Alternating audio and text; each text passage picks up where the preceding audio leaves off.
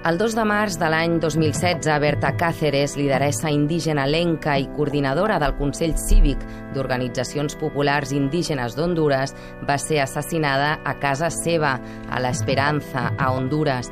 Dos anys després s'ha avançat poc en la investigació del cas.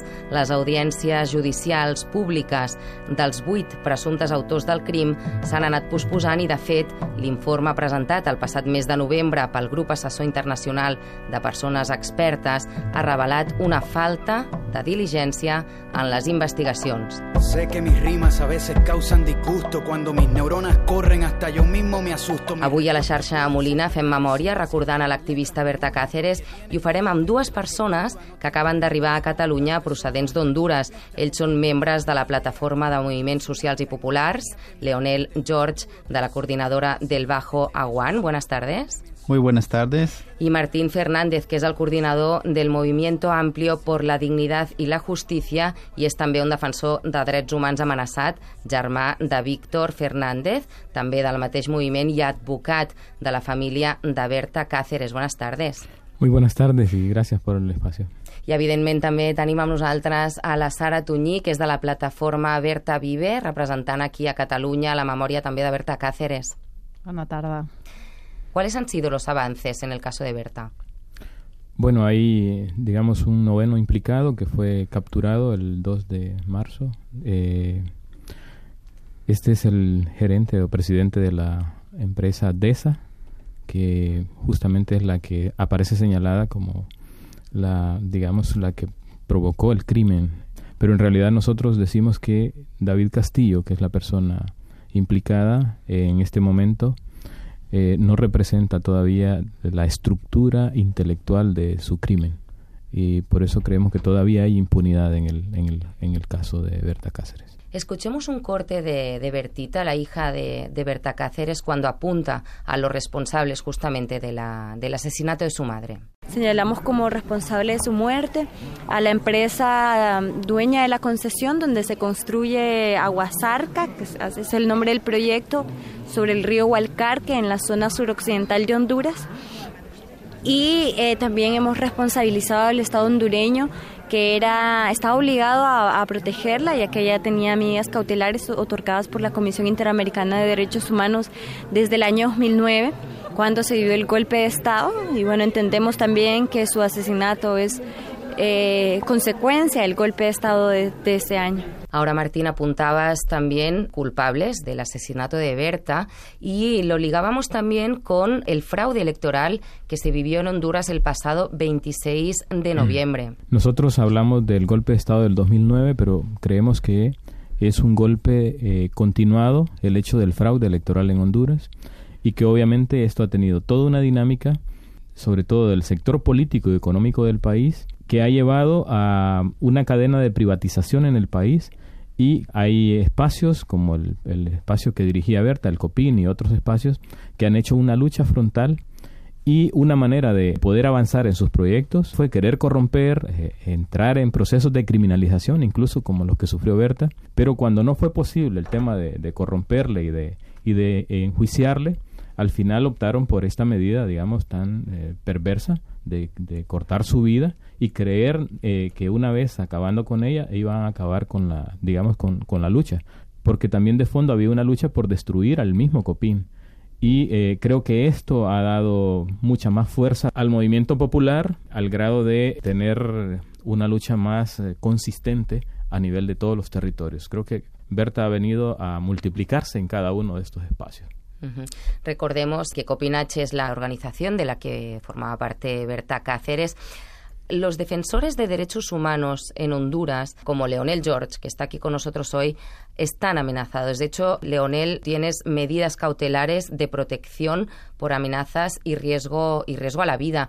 ¿Cómo se vive uh, esta situación de tensión de los defensores de derechos humanos y del territorio en tu país? Es una situación bastante difícil por el estado de impunidad que impera eh, en, Honduras. Se producen asesinatos de lideresas, de líderes, por defender la vida y por defender sus territorios y aún con medidas cautelares de protección son asesinados. El Estado no está eh, garantizando la vida aún que, pues, que han sido emitidas por la Comisión Interamericana de Derechos Humanos. De hecho, Leonel, vosotros habéis venido a Cataluña a hacer una tarea muy concreta y a visibilizar el caso de Berta. ¿Cuál es vuestra propuesta? ¿Qué es lo que habéis venido a contar? Venimos a dar a conocer la situación real que se da en Honduras y en todo el contexto de la defensa y de la lucha. Eh, nosotros hacemos un trabajo de defensa de derechos humanos en un conflicto agrario y de territorio en el que se dan desalojos violentos, se dan capturas, heridos, hay asesinatos y todos estos en una total eh, impunidad. Eh, hay un despojo total de todos los bienes y los derechos de la sociedad hondureña. De hecho, el asesinato de Berta no ha hecho más que levantar, como bien decía Martín, semillas, ¿no? Personas que están continuamente pidiendo justicia y viajando por el mundo, de hecho, porque, porque vosotros de aquí os vais a Madrid y luego os vais a, a Bruselas y vais a hacer públicos otros casos de asesinatos y amenazas a defensores de derechos humanos, estas semillas se van convirtiendo poco a poco en una búsqueda de justicia. Esto es lo que nos contaba Bertita Cáceres sobre lo que se está haciendo actualmente después de la muerte de su madre.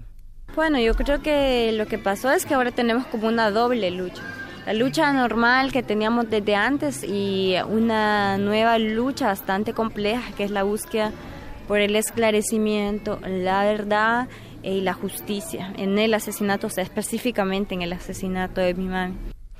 De fet, Sara Tuñí, membre de la plataforma Berta Vive, aquí a, a Catalunya, Posa'ns una mica en context què és el que feu i quina és la importància de portar també activistes de l'altra banda de l'Atlàntica que ens expliquin com funcionen ells, quines són les seves estratègies per fer memòria i justícia pels assassinats. La plataforma Berta Vive es va crear arran de l'assassinat de la Berta aquí a Barcelona. Ens vam trobar col·lectius catalans i col·lectius hondurenys per precisament donar veu a, al poble d'Honduras i poder denunciar totes les vulneracions de drets humans que hi ha en aquell territori. Hem fet actes públics, hem anat al Parlament, hem anat a visitar institucions públiques per fer denúncia uh -huh. i incidència política aquí. Además, dentro también de, de, vuestra estrategia está el hacer memoria, tanto en vuestro país como fuera. Eh, hay un proceso, digamos, de construcción de memoria eh, de Berta y de otros más líderes porque eh, digamos que no rescatar la memoria es, es, seguir en el campo de la impunidad y no hay herida más profunda que eh, olvidar a nuestros mártires, ¿no? Y que no y, y también que, que, no se rescate la memoria es algo prohibido para el, para digamos para los luchadores y luchadoras del mundo. ¿no? Uh -huh. De hecho, Bertita Cáceres, la hija de, Berta, hacía referencia a cómo las mujeres uh, de Honduras, en este caso, son grandes defensoras de, de los territorios. Creo que las luchas territoriales son asumidas con mucho más agallaje por parte de las mujeres, en el sentido de que hay una noción de pertenencia, de transmisión de, esa, de ese mismo sentimiento hacia los familiares. Eh, yo creo que incluso en las luchas de Copín se ha evidenciado eh, pues el, agallaje con el que las mujeres defienden el territorio eh, y, y cómo también suelen procurar la unidad de no solo de, de las poblaciones, sino también de todos los elementos para componer ese pensamiento complejo de los pueblos indígenas.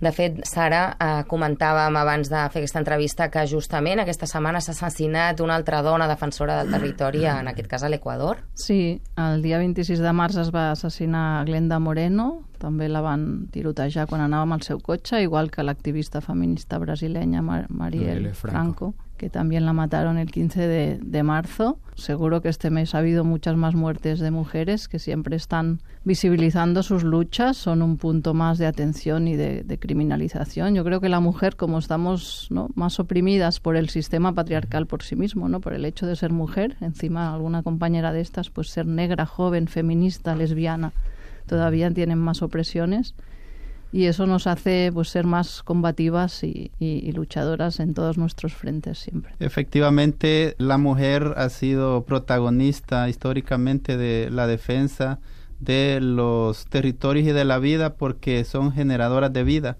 Entonces, en los procesos comunitarios, campesinos y en todos los espacios la mujer ha marcado la historia. Eh, y producto de eso es que se ha incrementado el asesinato de defensoras en las comunidades y también en organizaciones y han sido criminalizadas fuertemente por que históricamente eh, se ha impuesto un sistema que es eh, excluyente y opresor para las mujeres.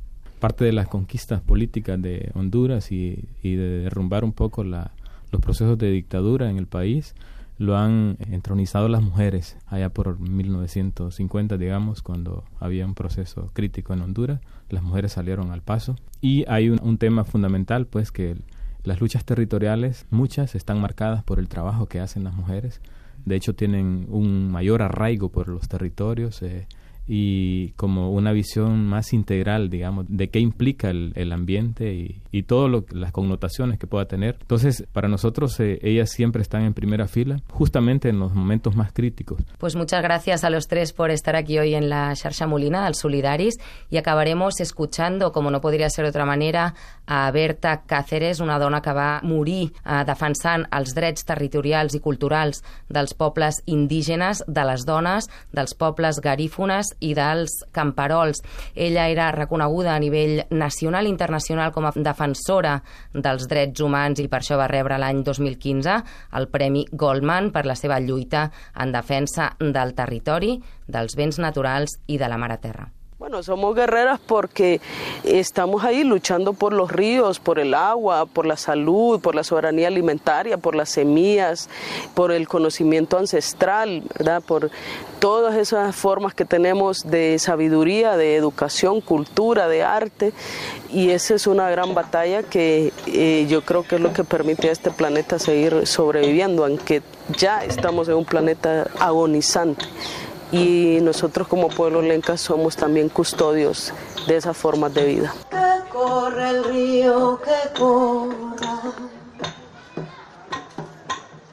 Paula en su camino y Tomás en el torrente de sus aguas. Que corre el río Gualcarque. Tomás en su corriente Paula es la alegría que nos baña. Una se pregunta de dónde tanta fuerza, de dónde Marcelina, de dónde tantas verdades me contaron un secreto son espíritus tan viejos, son espíritus ancestros que le dan fuerza a los cuerpos. Que corre el río, que corra. Paula en su camino y Tomás en el torrente de sus aguas. Corre el río Gualcarque. Tomás en su corriente y Paula en la alegría que nos baña. Una se pregunta de dónde tanta fuerza, de dónde de dónde tantas verdades. Me contaron que en la arena, en las penas de esta tierra, son las niñas las que sueñan y le dan fuerza a las lencas. que corre el río,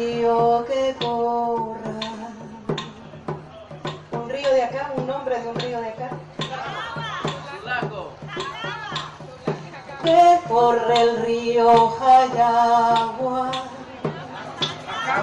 Acagua. Eh. corre el río Jacagua. ¿Y ahora quién? ¿El nombre de ustedes? ¿De una mujer?